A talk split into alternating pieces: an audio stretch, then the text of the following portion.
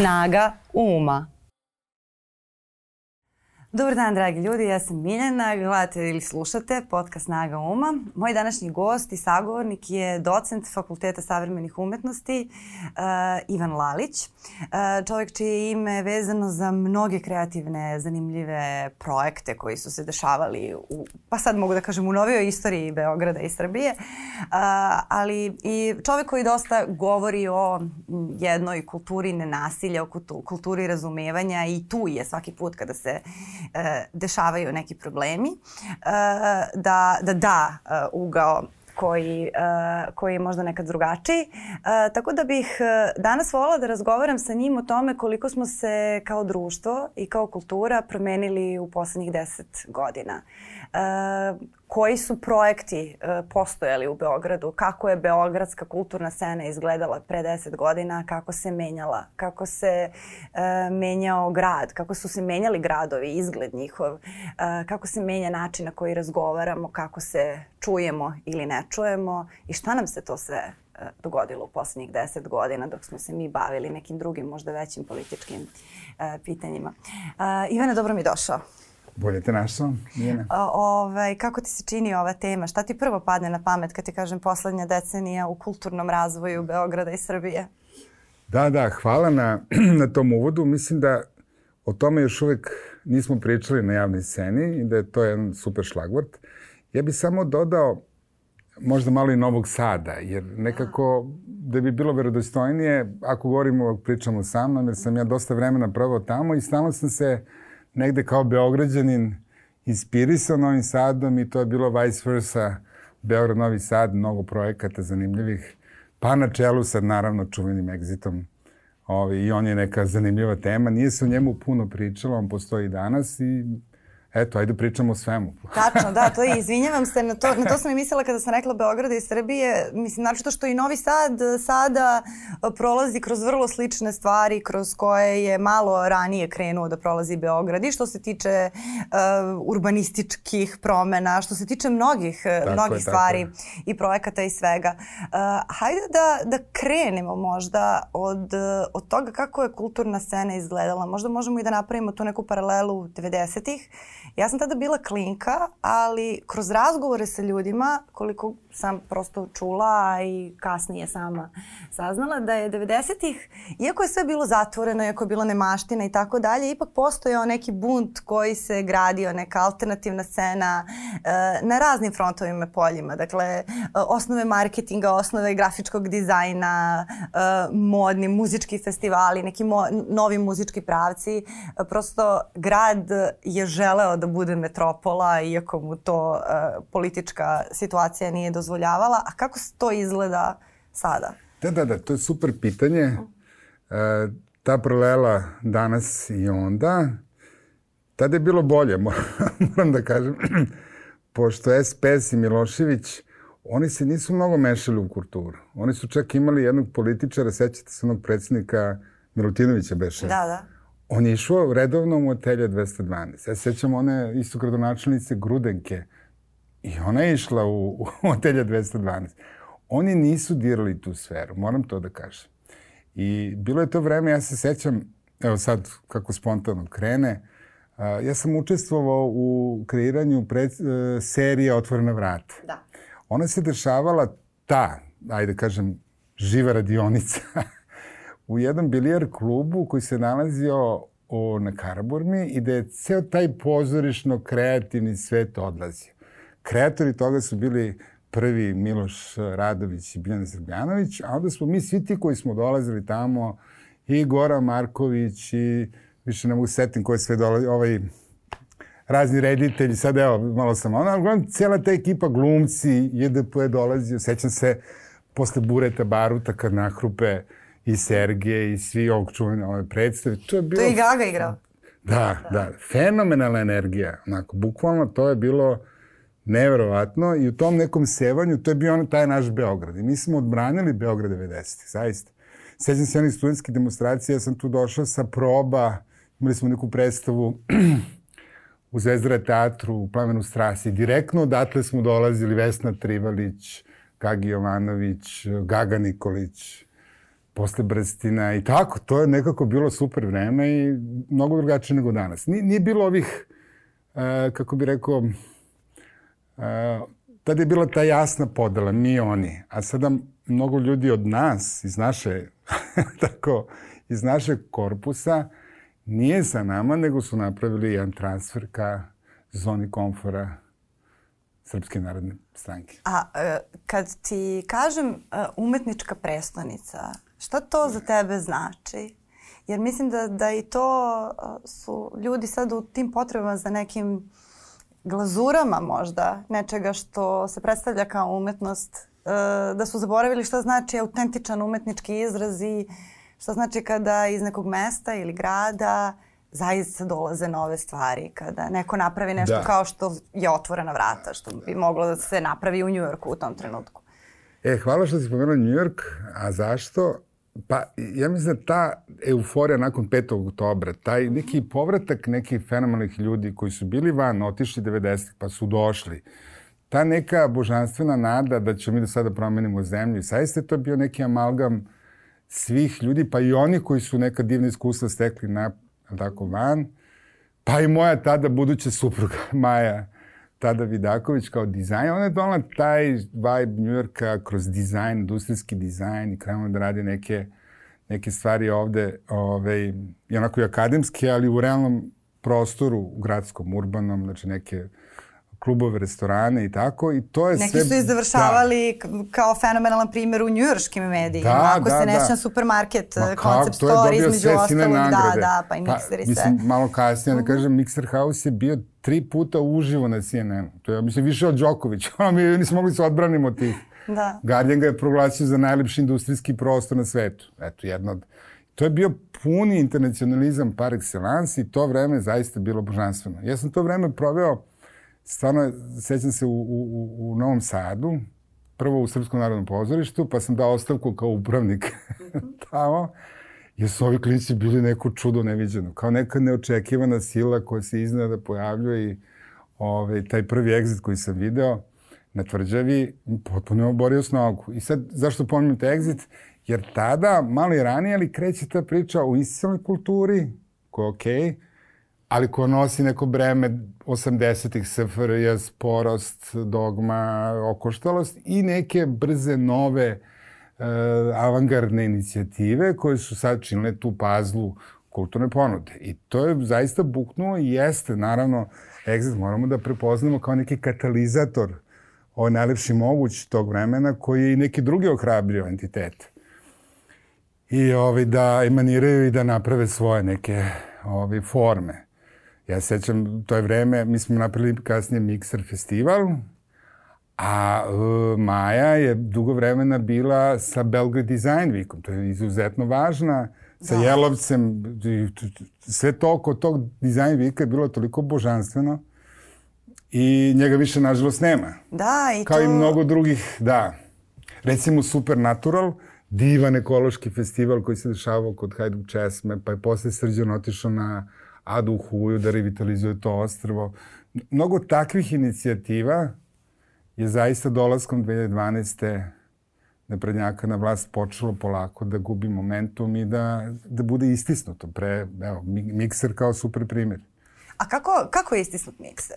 Ajde da napravim, da, da, da objasnim u praksi da. kako, se to, kako se to radi. Da, pa da. Dođu ti neki ljudi s bagerom i kažu nije, dobro, vi uđerice, pacovi, ne bi ja tako, Nije to tako brutalno, ajte da, da jasno. Mislim, ali šta, šta je sad tu? Mikser je postao kao neka vrsta malog ostrva, slobode, dizajna. Recimo, mi smo igrali na predstavu Kokana Mladenovića, Dogvil se zvao, koji najdirektnije se konfrontira sa idejom Beograd na vodi, a i onda se otvore zavese, stakla, a mi gledamo Beograd na vodi. To je bio stvarno prst u oko, non stop. E sad šta, vi kad imate takvu neku tačku na mapi grada i imate svoj identitet i karakter, vi neminovno dolazite u neku vrstu, pa čak i opasnosti. Tu su neke inspekcije, vi morate da sarađujete, sećam se, trebali, ili smo neku galeriju, nismo mogli da, ona gore galerija, dakle su se gledali koncerti, nije mogla da se legalizuje, pa je, prav, pa je legalna ili nije, pa dođe inspekcija. I, I sve to tako bilo, poće da ruše ceo kvart ili neće, i vi niste nikako mogli da planirate nešto, da se opustite. Znate, ja nisam mogao nikada da nazovem nekog, sećam se, tamo su dolazili ministri, recimo kulture francuske ili švedske, ili razni političari strani, Evropske unije. Ja nikada nisam mogao da okrenem svog gradonačelnika i da kažem, ej, prijatelju, daj pomozi malo. ja to je kulturni centar grada bio važan, da. Predstavljam svoju zemlju, šta da kažem, aj malo pomozi. Jer tada je bio Siniša Mali gradonačelnik s kojim smo se mi non stop svađali oko, oko rušenja, ali tako? I mi smo se osjećali kao sami tu, znate, ono, osjećate se bukvalno kao neko usamljeno ostrvo. Da, kao podstanar sa zlim stanodavcem. Tako je, da, e. I to je tako trajalo. A onda smo napravili onaj centar miksalište za da, da. izbjeglice na koji sam baš jako ponosan. To je bila jedna spontana divna akcija, pa je ono srušeno prvo to miksalište kada i Hercegovačka, uh -huh. u tom, to ne bilo nedaleko od čuvene Hercegovačke, ne u toj noći, nego dve noći kasnije, dva dana kasnije. A onda su onda i tu novi bili problemi sa druge vrste, pošto se preselilo u centar grada, u Gavrila Principa, pa ksenofobija, pa šta će oni, pa oni kvare, jel tako, pa smo imali sa stanarima problem. Pa sam ja na kraju napisao i predstavu ko se igraš uvijek u Zvezdane teatru o tome, o toj ksenofobiji. Ove, I eto, to je bila jedna misija koja je non stop trpala neku vrstu, da li tih političko, perfidno, estetsko, etičkih o, udara do, do eto ovih koji se tiču ksenofobije. I na vrlo sličan način su uh, se gasili i drugi umetnički projekti tog tipa. Dakle, to je pa da, vrlo sličan da. model. Znači, sa, ukine vam se finansiranje, znači nemate pravo na državne fondove, ali nekako ako ste vi takav, znate, mi nikad nismo koristili neke fondove, mi smo aplicirali, ali nikad to ništa nije bilo presudno. Ali vi čak i kad vidite korporativno u, u neki fundraising ili ne, neko, neku priču o održanju, ali tako, ovi, vi se predstavite kao tačka kao antiprotivna vlasti. Mi smo recimo imali neke savete vrlo iskre, neke ambasade s kojima smo radili, kao nemojte na, na, na projektima koje mi finansiramo ili pomažemo, da budete toliko antiprotivni, jer mi s tim ljudima zvanično sarađujemo, tako, sa vlašću. Razumete, ja sam recimo imao skoro, da, da bi razumeli. Da, da. Ovaj, neki projekat smo radili s Ujedinim nacijama, pomoć uh, starima u domovima i uspeli smo da napravimo neku saradnju, jedna, neću reći koja, korporacija koja je bila vrlo ovaj, e, altruistična prema seniorima, Ujedine nacije, mi i Ministarstvo za radi socijalna pitanja, na čijem čelu je Darija Kisić, Tepavčević. I trebali smo da potpišemo pre godinu dana neki ugovor oko pomoć domovima, jer to je neka tema koja, aj sad zaboravimo, ali tako. Ko Me... može da ima bilo pa šta da, protiv toga? Pa to je da, tako e. deluje. Međutim, bio je to dan, noć pre toga, Darija Kić-Tepavčević je, e, ako se sećaš, imala onu tiradu na temu Gorana Markovića, onu grozomornu, odvratnu tiradu. I sad Goran Marković je moj lični prijatelj, neko koga smatram svetionikom na ovom našem tužnom nebu. Tako, jedan izuzetan sinajsta, intelektualac, etičko biće. I ja sam bio taj ugovor da sam trebao da potpišem nešto. I onda sam u jednom trenutku sam odlučio da ne potpišem taj ugovor i napisam svima razloge da ja ne mogu da budem makar i na papiru potpisan sa osobom koja je takve stvari izgovorila o... E, ja sam tim izgubio neki novac za neke plate naših zaposlenih i stalno smo u strahu da li ćemo moći da platimo kako, šta, ali sam se ja mnogo bolje osjećao. Eto, prosto i uspeli smo da preživimo bez obzira na taj ono. I mislim da je to zalog neke budućnosti i da ta sloboda koju osjećaš hodajući ulicom, da nikome ništa nisi prećutao, i da si ostao principijalan, pa ni toj mučenoj ministarki koji dalje neki faktor. Tako, on je ministar i dalje da šta pričam. Eto, to je zalog neki, kako kaže Njegoš, samo obraz i bruka traju do vijeka. Znači, to mora se čuva po svaku cenu. Da, i mora da se čuva ta, mora da se čuvaju izvori sobstvene kreativnosti, naročito ako od toga živiš. Sad baš dok govoriš, razmišljam i tokom 90-ih su ti glasovi bilo, bili tako autentični zato što su iskustva talentovanih ljudi na ovim prostorima bili, bila autentična.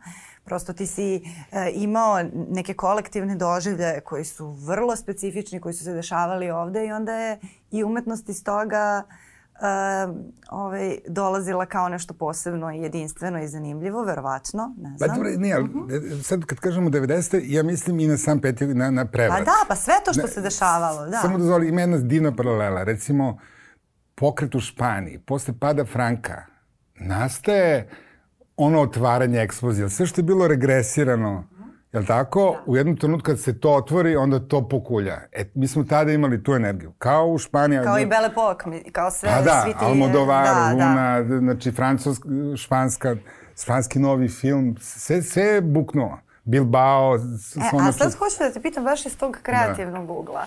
A, šta se dogodi uh, sa kreativnim bićem čoveka u trenutku kad kaže nema veze i potpiše? Jednom, pa drugi put, pa. Ovo se potpuno poništi. Ne, ne može. To je, ima, ima, uh, ima Virilio, jedan franski filozof, divnu rečenicu, kaže, između etike i estetike stoji znak jednakosti.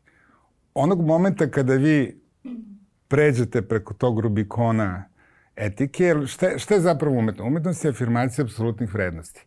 Ljubav, solidarnost, empatija, je tako, pomoć. I vi to kroz vaš rad, nema, po meni ne postoji desničarska umetnost, ona je, to je onda Leni Riefenstahl, tako, onda je to neka druga niša.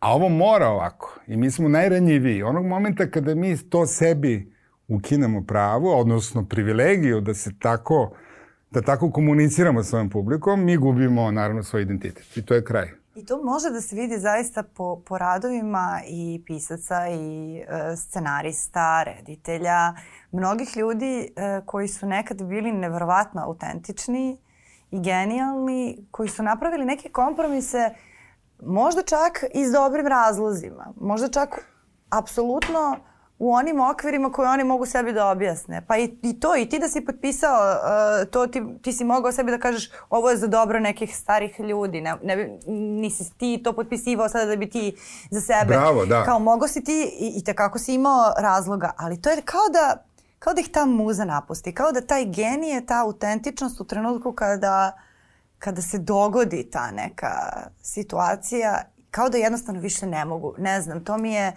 baš, baš specifična...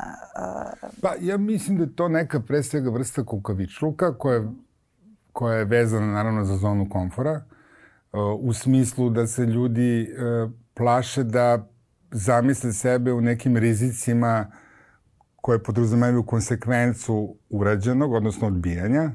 Ne vrem da niko od ovih ljudi koji su na sceni paradigme napuštanja ovaj, tako, časti, poštenja, ideologije ovaj, istine, e, ima finanski problema da baš možda mora da gladuje, ali su ljudi tako kodirani da žele da imaju sigurnu tu luku, sigurnu poziciju, siguran izvor finansiranja i ja bi to mogao donekle da razumem, kažem donekle, samo u momentu, odnosno u situaciji da ljudi kažu eto, to se tako izabrao i sad ću da ćutim. Ali ljudi koji ne čute, nego nas ubeđuju, jel tako, ti koji su prešli kod, na stranu vlasti, da mi nismo lišeni svih fondova, sučeni sa egzistencijalnim problemima, sa uh, brigom za decu, kako ću ja sutra tu svu decu podići ako mi je odsečeno sve ovde, e onda je to stvarno jako, mislim, ružno. Ja, ja nemam prema njima nikakve milosti, mislim da će oni svi hodati ovim gradom poglute glave Ove, ono, van radara su mi potpuno. Ne, ja o tebe nisam ni pitala iz da. konteksta da. milosti uh, u, u tom smislu da. i uh, kao saosećanja za korupciju da. ili, ili za motive, nego mi je to zaista fenomen uh, da li je uopšte moguće stvoriti neko veliko delo iz takve pozicije kada si potpisao. Nije, nemoguće. Ja isto nemoguće. mislim da nemoguće. Pa imate umetnost zahteva da se skineš goji i da se prepustiš kroz nema, da nema straha. On je okupio mm. neke, u nekom trenutku neki trus ljudi da. i raspose, baš zbog odsustva ovog o čemu pričam. Jer ti ne smeš da imaš kočnice. kad, a mislim jer to suština, ti ne smiješ da imaš kočice, ti moraš da, tebe mora da vozi ludilo tvoje, a ti ako imaš... Uh, ne, ne, to je bilo jako simpatično. Ako si na povodcu, ne vredi. Ta situacija mm. me podsjetila, pošto Vučić je izmislio Anu Brnabić, koja je, uh, ajde kažem, uh, prvo činjenica LGBT osoba vrlo korespondira, pa evo i mi smo bili u mikseru gay mesto. Ono deluje urbano, LGBT i ono je delovalo kao neka vrsta inovacije u toj... I samim tim je ona delovala, pošto je uzela taj resor kreativna industrija, kao vrlo mnogo prijemčivija, je tako, osoba nego za saradnju, nego ovi klasični hardcore SNS sastav. Međutim, mene je to uvijek izgledalo kao neka vrsta, Hrabal ima jednu divnu um, pripovetku koja govori o dva Čeha koje prave partiju u kafani. I pošto su onako bili uplašeni, ne sad da, se, da prenagle sa opozicijnim delovanjem, nazvali su partiju stranka umerenog napretka. e, meni to i delo kao jedna telo umerenog, kreativnog, gde kao tu Ličnost smo, ali kao nemoj sada talasamo previše. nemoj sada da posjećamo Anu da je ona deo vlade koja je rušila Sava Malu i ostale krušike, čuda i tako dalje, nego nema veze, mi ćemo tu da vegetiramo, da nešto kao radimo za Srbija Creates, za dobro Srbije i tako dalje, a sve ove etičke porušene mostove, norme, postulate ćemo da ignorišemo. A kako je uh, to menjanje u protekloj deceniji izgledalo u muzičkoj industriji? Zato što je muzičku industriju, mislim, dotakla i jedna onako, da kažem, globalna revolucija tehnološka, tako da uh, je to iz više uglova bilo jedno tranzitivno stanje. Pa da, to je, mislim, opet moram da se vratim na Exit. Uh. -huh. Exit, ta garnitura koju sam ja pripadao, uh. -huh. ovaj, je napustila taj projekat dolaskom Aleksandra Vučića. Mnogi će reći, ovi SNS-ovci i tako, da je to zato što je ona bila vezana za DS koji je dugo bio u, u o. I ja moram kažem, ima istini u tome, ok, e, s tim što ono šta je Bojan Pajtić, e, kako je on video Vojvodinu, kako je on pomagao kulturu, kako je on kao ličnost, dan danas kad ga vidite, observirao sve te procese, to naravno ne može se porediti sa, sa ovim periodom posle i ja se sećam tog vremena na Exit su dolazili preko leta i glumci, i pisci, i reditelji. To je bila cela scena, ceo region. Mi smo imali one neki VIP main stage. To je bilo kao neke beogradske premijere. Je tako? Međutim, ja sam posljednji put bio na Exitu pre dve, tri godine. Zvali su me da dođem I ja uđem u tako neki vid, znači nikoga više tamo nema. To su neki lokalni funkcionari SNS-a. To, to se potpuno izgubilo, jer taj magnetizam, je tako, potpuno ispario. E sad, Ti ljudi znaju da se ponašaju na egzitu. Mislim, izvini, ja, ako je banalno pitanje, ali stvarno me to zanima. Moram s druge strane, kažem, vrlo, ja sam ono, vrlo, ono, ajde kažem, principijalno. S druge strane, jedan od osnivača Exita, stvarno, Dušan Kovačić, on je bio na prapočetku, jedan vrlo sposoban momak. Ne, ne, bez, nemam tu nikakvih dilema koje kasnije ispo iz igre, pa se vratio. On je uspio da sačuva celu instituciju. U smislu to i dalje Exit postoji. Ja, mene kad biste pitali da li bolje da je Exit uvenuo i on ili da je opstao, pa bolje da je opstao. Možda će, je tako? Bez obzira tamo je ušao Sky Music, sve se promenilo, oni više nemaju ideologiju, oni ne komuniciraju. Ja se sećam, recimo, mi smo imali ozbiljno obračun 2005. godine, teli smo da slavimo 10, da obeležimo 10 godina Srebrenice. Uh -huh. Pa su nam upali radikali tada, pa Maja Gojković, tad je ona bila gradonačnik Novog Sada, baš na White Stripesu. O, to je bilo, bit će bomba postavljena ako mi obeležimo Srebrenicu. Ali mi smo se borili, kogoda da smo mogli sve te godine, Exit imao jednu jasnu ideologiju pomirenja, e, regiona, afirmacija apsolutnih vrednosti, bio je divno posjećen, imali smo divne goste. I on je sačuvao od svega toga samo taj neki industrijski moment da tamo i dalje dolaze bendovi, ali bez te vrste ovaj, e, aure koju onda imao. A, a kako, da li uopšte možeš da se setiš kako je izgledao javni, javni govor? A, pre, pošto je i posle ove decenije, sada, ne. jer je jedan značajan deo kulture i taj javni govor i to kako razgovaramo i to kako jedemo i to kako se odnosimo prema svojoj okolini, gde živimo, u kakvim zgradama. Da. Pa, ja moram priznam, ti me to sada pitaš 2023. i naravno da ja to moram da merim sa današnjim Da, da, to te, ja te pitam da li se sećaš kako je izgledalo 2008. E. Šta je 2008. 10. bilo da. nepojmljivo, a pa, šta nam je pa, danas da priznam, nepojmljivo? Mi, mi ovo što smo zatekli sada, recimo kad bi čovjek pogledao ovu našu skupštinu i taj govor tamo i da. A, meni, prvo, meni je uvijek prva asocijacija da poredim to sa Crnogorskom skupštinom, koja je potpuno suprotno od ovog ovde, znači jedna druga krajnost da vidite jedne civilizovane poslanike koji imaju čak i te crnogorske oratorske kapacitete i to jako lepo zvuči. A onda, kad me sad ovako pitaš, to je tada retroaktivno, ovo što sad dešava nam izgledalo kao nepoznata teritorija. To je stvar kućnog vaspitanja pre svega. To kako se ovdje ponašaju i na javnoj sceni i u skupštini i svuda, to je jednostavno stvar neke, nekog novog govora radikalskog koji je unet u neke milje gde ne bi smedao da, da, da funkcioniš, ta, nije mu tamo mesto. To je stvar, stvarno kućnog vaspitanja, ja to tako doživljavam. I onda smo se mi navikli na to. Pa šta ćemo, tu smo, gde smo. I rezultat je ovi ljudi na ulici kojih je stvarno dramatično puno i mislim da će tu oni i ostati, jer sad je kao da delo je kad je došlo do dece da više nema nas. Pomenuo si taj termin novogovor, uh, orvelovski. da, da. vrlo, vrlo simbolično. Ima tu dosta paralela. Meni ima, se, ima tu dosta paralela. A. Meni se nekad čini da, da čitaju Orwella kao neki ono playbook.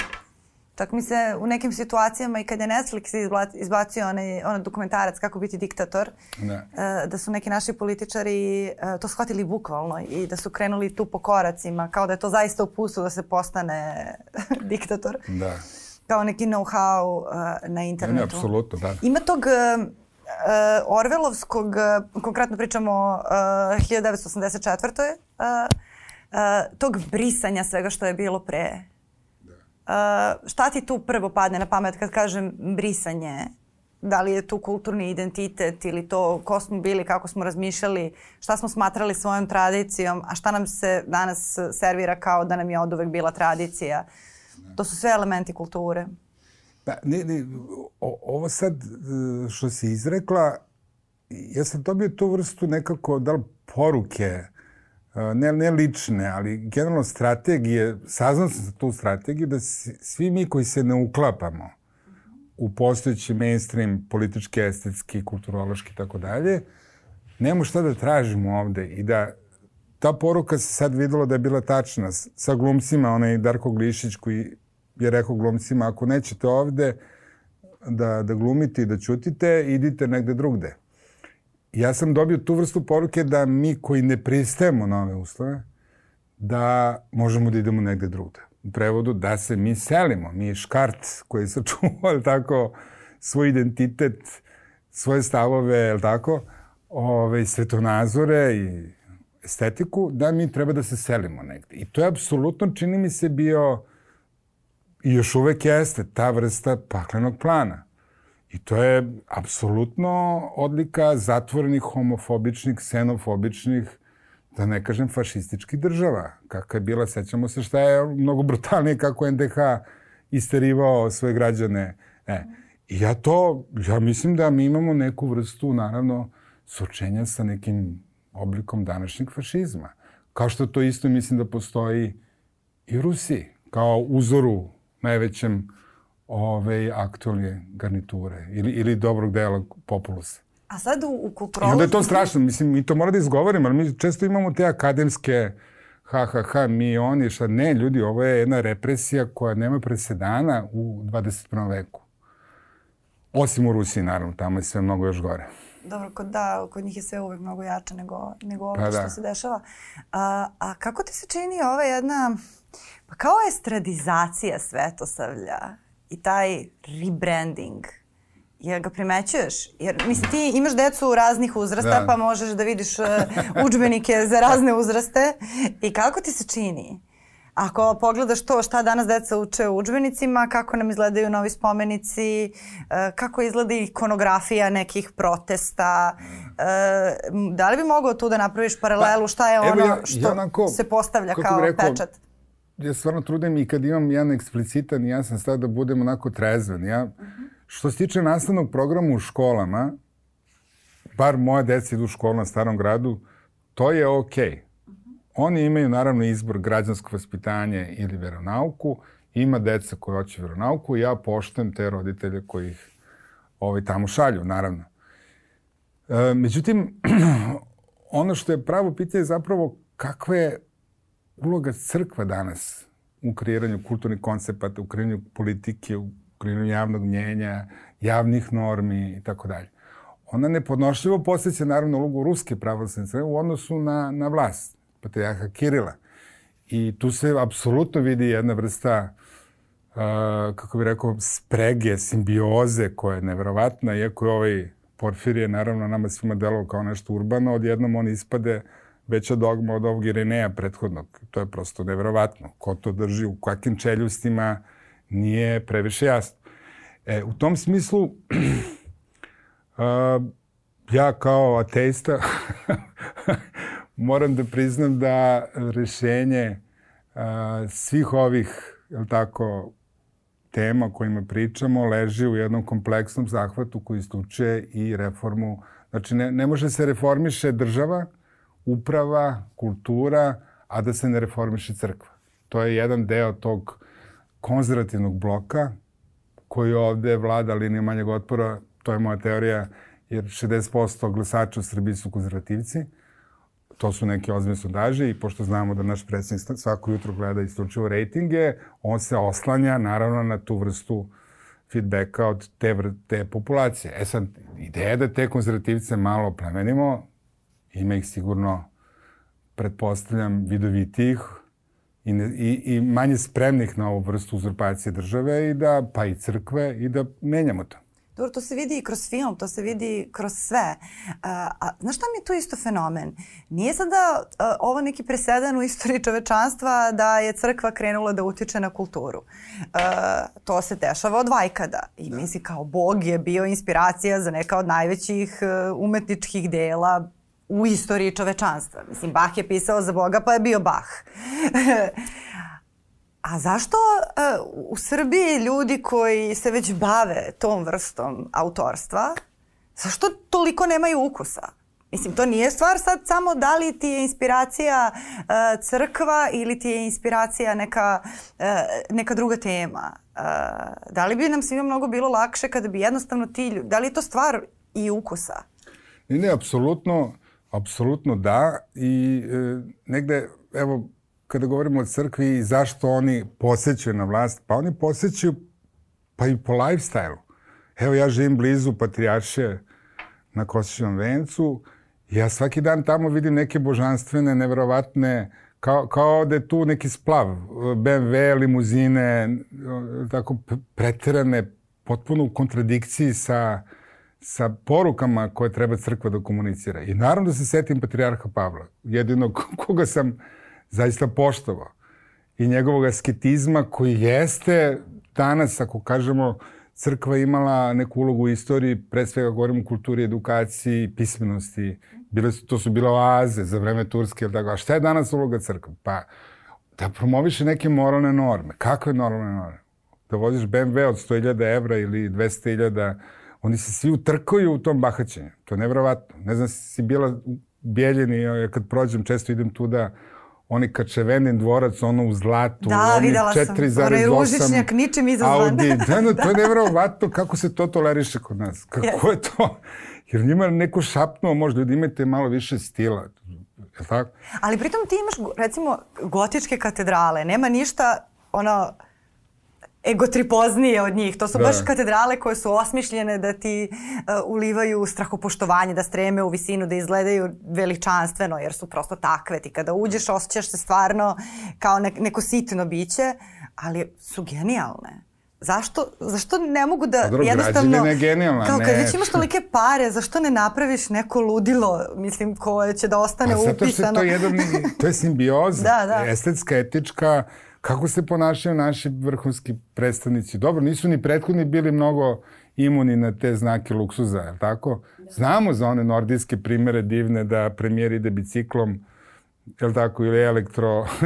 to, ali dobro, oni su imali i manjak bezbedonosnih problema, jer su ljudi koji su bili zapravo ono što čemu mi svi sanjamo, službenici države. Znači, neharizmatični činovnici koji čine ono što ja sanjam da vidim u država, to je servis. Ja, tako, to je moj servis, ja sam građan, imam servis, a ne nekog ideologa koji, je tako, tu svaki name služuje s televizijom i s porukama koje šaljem. Jer tu u stvari ta, ta bahatost možda neka zajednička crta. Tako je, tako, to je zajednički menitelj, apsolutno. I ona ubija i tu kreativnost i sve. Pa, e, šta se dešava? Sad, mene je mnogo ljudi pitalo jedno vreme svaki dan, a kad će taj ponovo Mixer House, kad ću? I ovaj, jedno se sećam, pustio sam čak i suzici, imao sam neki poslednji sastanak, onda su došli ljudi iz neke agencije, radili su neku kampanju, već se zaboravio koju, neku društvenu kampanju, nebitno. Uglavnom, taj mladi direktor kreativni mi je rekao, gospodine, na kraju da vas pitam, a kad ćete ponovo tebe? Ja kažem, pa evo sad vidite koje vreme, kako, de, nemam pojma, vidjet ćemo. Znate, ja sam odrastao tamo. Formirao se kao, kao ovaj, e, i onda meni taj nekako ostao razgovor s njim. Ovaj, da je taj Mixer House oblikovao neko, neko mnjenje, neke mlade ljude. U, e, Pa ja sam ta generacija koja je tu dolazila. I, i taj Mixer House smo, smo gledali zaista kao nešto što što je trebalo da bude? Mislim, e, t- to je čak i, po, i bio je supermarket concept store, to su toliko veliki projekti, toliko važni, e, koji su zaista morali da postanu deo istorije ovog grada. Oni su Pa morali dobro, za moramo- 50 godina da budu turističke Da. atrakcije, a ne da se, da se od toga prave neke potpuno neprimerene ovaj, mahinacije i da se zarad... Pa čak, čak i da je bio ono kapitalistički potpuno neisplativ. Država je to prosto morala. Pa ne, Država evo, koja daj da ulaže u modne revije, nekih izmišljenih Molim, kreatorki. Samo, samo kod toga. Baš imam potrebu da kažem. Mislim, jako bitno... e, Ja nikada nisam bio, znaš, onaj nostalgičar koji je eto bilo nekad, pa neće se ponoviti, pa jadno. da. Ne, ne, okej, bilo je, bilo je časno, tako? Onda smo upali u ovo, jel tako? Moramo da napravimo neki izlaz, neki ponovnu energiju da nađemo, da preartikulišemo energiju. Ali kako to učiniti stvarno? Ja sam zaista prepoznavao u realnom bitisanju tog projekta koji se muče naravno sa financijama, jer bio nimo dotacija nikakva država. I onda sam ja tu sad došao do nekih iskustava kako to negde funkcioniše na tom zapadu. I našli smo jedan ekvivalent, čak smo se i videli s njima, oni su došli iz Cardiffa, iz Ve- s- Wales, je li tako? Gde struktura takvog centra koji je nezavisan, znači napravljen mimo sistema, znači ne dom omladine, nego napravili ga neki preduzetnici, ima neko trojstvo. To je grad finansira trećinu, država daje deo, ostalo moraš ti, ako ne uspeš, džaba, gotovo, izgubit ćeš ova, e, znači imaš obavezu da dopuniš, e, ali imaš jednu, to se zove zapravo javno-privatno partnerstvo.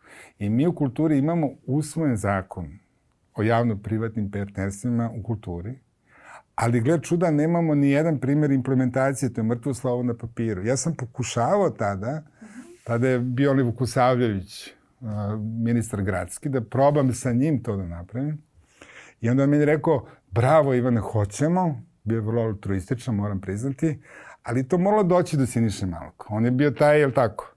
I onda kad je meni rekao ministar, taj, sekre- taj gradski, kao ajde ti napravi ceo taj know-how, akcijni plan, a ja ću da dam Siniši.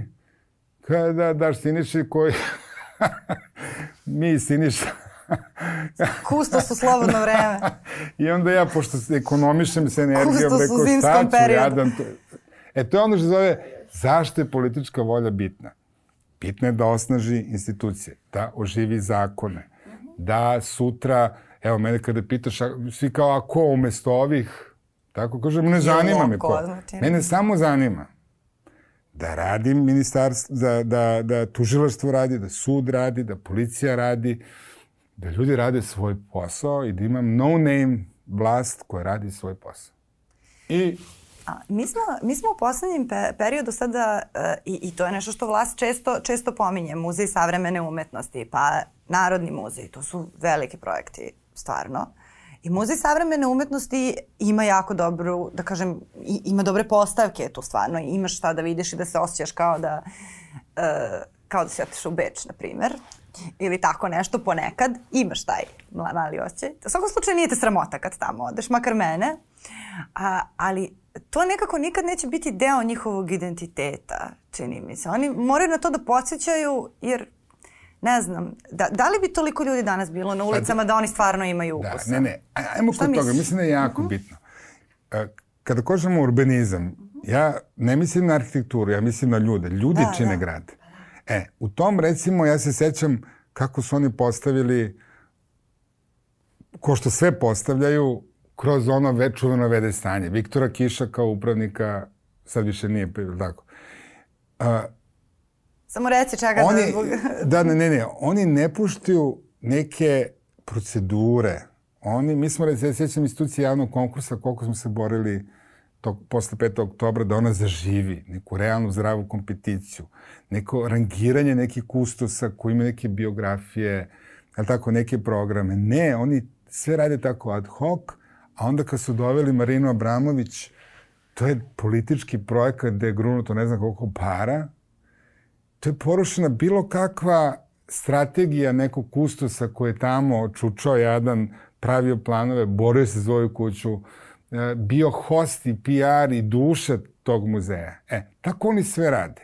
Bahato. Oni misle, bahato, evo Marina, znate, ja sećam tog rukopisa, to je Maja Gojković radila sa Warholom, onom izložbom, eto sad da, da odzvoni ime, i oni misle da je to što je sad, to, to je društvo spektakla, Gib de Boroa, samo za seni, tako, sve se ponavlja. Dobro, takav je i ovaj miting bio. Je, uvek je spektakl. I uvek da, je, i uvek je previše da, para da. i premalo Pa da, premalo duše Meni... i organske strukture. Mm. Kao serija Nemanjić. Pa ne, moraš da imaš, da, da gradiš to. I to je simultan mukotrpan, znači edukacija, moraš da poznaš scenu i nezavisnu i ovu, moraš da poznaš publiku, a ko će ti doći, a kako. To je sve povezano. Moguće da, da, da je to u stvari taj moment eh, da oni kulturu tretiraju kao neku stavku koju treba pokazati, kao živska, živka ministarka kada naru, naruči dva reda yes. e, knjiga tako. u raznim bojama, a umetnost je u stvari saopštavanje neke poruke ovaj, koju vrištiš iz sebe i ona mora da ima suštinu i možda zbog toga ti neki projekti u koje je strašno mnogo novca uloženo nisu zaživeli. Možda zato ta serija Nemanjić izgleda tako sklepano i ne može da se poredi sa nekim drugim serijskim i, i, i televizijskim projektima koji su bili jeftiniji, a gledaju se 30-40 godina kasnije. Uh, možda je to, mislim, o, su, oni nikad nisu skapirali u stvari Z, zašto je taj, da, ne da. znam, zašto je taj Meštrović baš Meštrović, zašto je sve to što se dešava oko, zašto je Šumanović Šumanović, zašto je taj muzej istorije Srbije takav da ne treba na njega da nasloniš to i to i toalete, pa neka ti je meeting sto puta. Uh, da, da li je to to, to nerazumevanje, pa, da je sve da, stavka u, u PR strategiji? I to, ali sad kad govorimo o, uh, evo, možda govorimo o premijeru ili predsedniku ili ministru kulture. Znači, ministar kulture, Maja Gojković sad aktualna, ona treba da bude dobri menadžer tako, na kulturnom tržištu i da animira, nagrađuje, postiče, promoviše, je tako, neke. E, da bi ona to mogla da čini kako valja, ona mora da pozne tu scenu. Kako ona mogla da poznaje tu scenu kad je sedela u klupama Skupštine ceo svoj život među radikalima, ona nikada nije bio integralni deo tog kulturnog tržišta, tih, ili tako? Ona, nije, ona je tu nametnuta. Ako si nametnut, pa još u sistemu, vi vidite recimo konkursi kako izgledaju gradski ili državni. Pola para ode na neke izmišljene radikal, na prednjačke u Surčinu. On, to kod ljudi izaziva odijum. Znači, ljudi ne veruju toj vlasti. Ako, ako, ako zamišljamo da je recimo moglo da se izvede da Maja Gojković ili bilo ko od njih apartno od te globalne scene čuva taj zabran kulture, da je ona altruistična, brižna i da te umetnike okuplja, ona je morala da ih prvo upozna, a onda da ovu diskriminaciju sa ovim pranjem para kroz razne izmišljene projekte ukine. Pošto nije uradila ni jedno ni drugo, a neki dan je mučena i opet napala i ona koju Nikolu i opet spinovala nešto kao što radi. Ono, uglavnom, je tako, taj SNS e, prvi šalom borbe sa opozicijom, ona je potpuno diskvalifikovana kao ozbiljna osoba na čelu tog ministarstva. I jednostavno mi tavorimo, borimo se, čekamo, nezavisne, naravno, ekipe imaju finansiranje na drugim mestima, strane fondacije, ambasade, snalazi se, radi neki privatan posao, samo da drži glavu iznad vode. Pa, eto, dan posle će možda doći, pa da možda promišljamo karte i da napravimo, da nastavimo gde smo stali. Mnogo ti hvala. Sad kako privodimo ovaj razgovor kraju i kako si, kako si to pomenuo, uh, setila sam se jedne rečenice pokojnog PC Eidusa, uh, koju je izgovorio tokom nekog intervjua, možda baš i za nedeljnik, kada, kada smo radili. Uh, on je rekao, mi glumci ćemo da preživimo. Uh, naša branša uvek preživi. Gluma, gluma preživi sve. Mi ćemo pričati viceve u kafanama. Ovaj, ali ćemo opstati. Ali ti koji su napadali glumce, nikad nisu opstali. Ma da, tu nema. I to je tako nekako, mislim, još znaš sam kako je njegov ton u govoru uvijek bio veličanstven i to je možda bilo i pre deset godina. Sad ću te slagati, ali zaista jeste, to je kao neki onako početak početak kraja možda. Da, da, to je siguran znak da više ne znaš šta radi, ali to, ne znam, ima neki savjet, neki to se jednostavno ne radi, to je prosto i politički, a da ne pričam etički, potpuno besmisleno. I ovaj, šta da se radi? A, mnogo ti hvala na razgovor. Imamo još mnogo tema. Bukvalno da. ovo je bila jedna od tri potencijalne, da. I načeli smo i dosta je, dosta je duboka, dosta se toga izdešavalo. Drago mi je što smo prošli kroz, kroz neke od ovih projekata i što smo uspeli da se osranemo na poslednjih deset godina. A, a i da možda damo sebi prostor za razmišljanje šta je ono što želimo da, da radimo narednih deset. Da. Pa da, evo ja moram da priznam ja sam uvek optimista i ja mislim da ne smo da kukamo, nego da čim se otvori neki prostor kreativni, da moramo da budemo spremni za njega i da novim projektima vratimo Beograd na mapu, kreativnu mapu Evrope koji pripada. Hvala vam. Mi smo tu i sledećeg ponedljaka na Nova RS.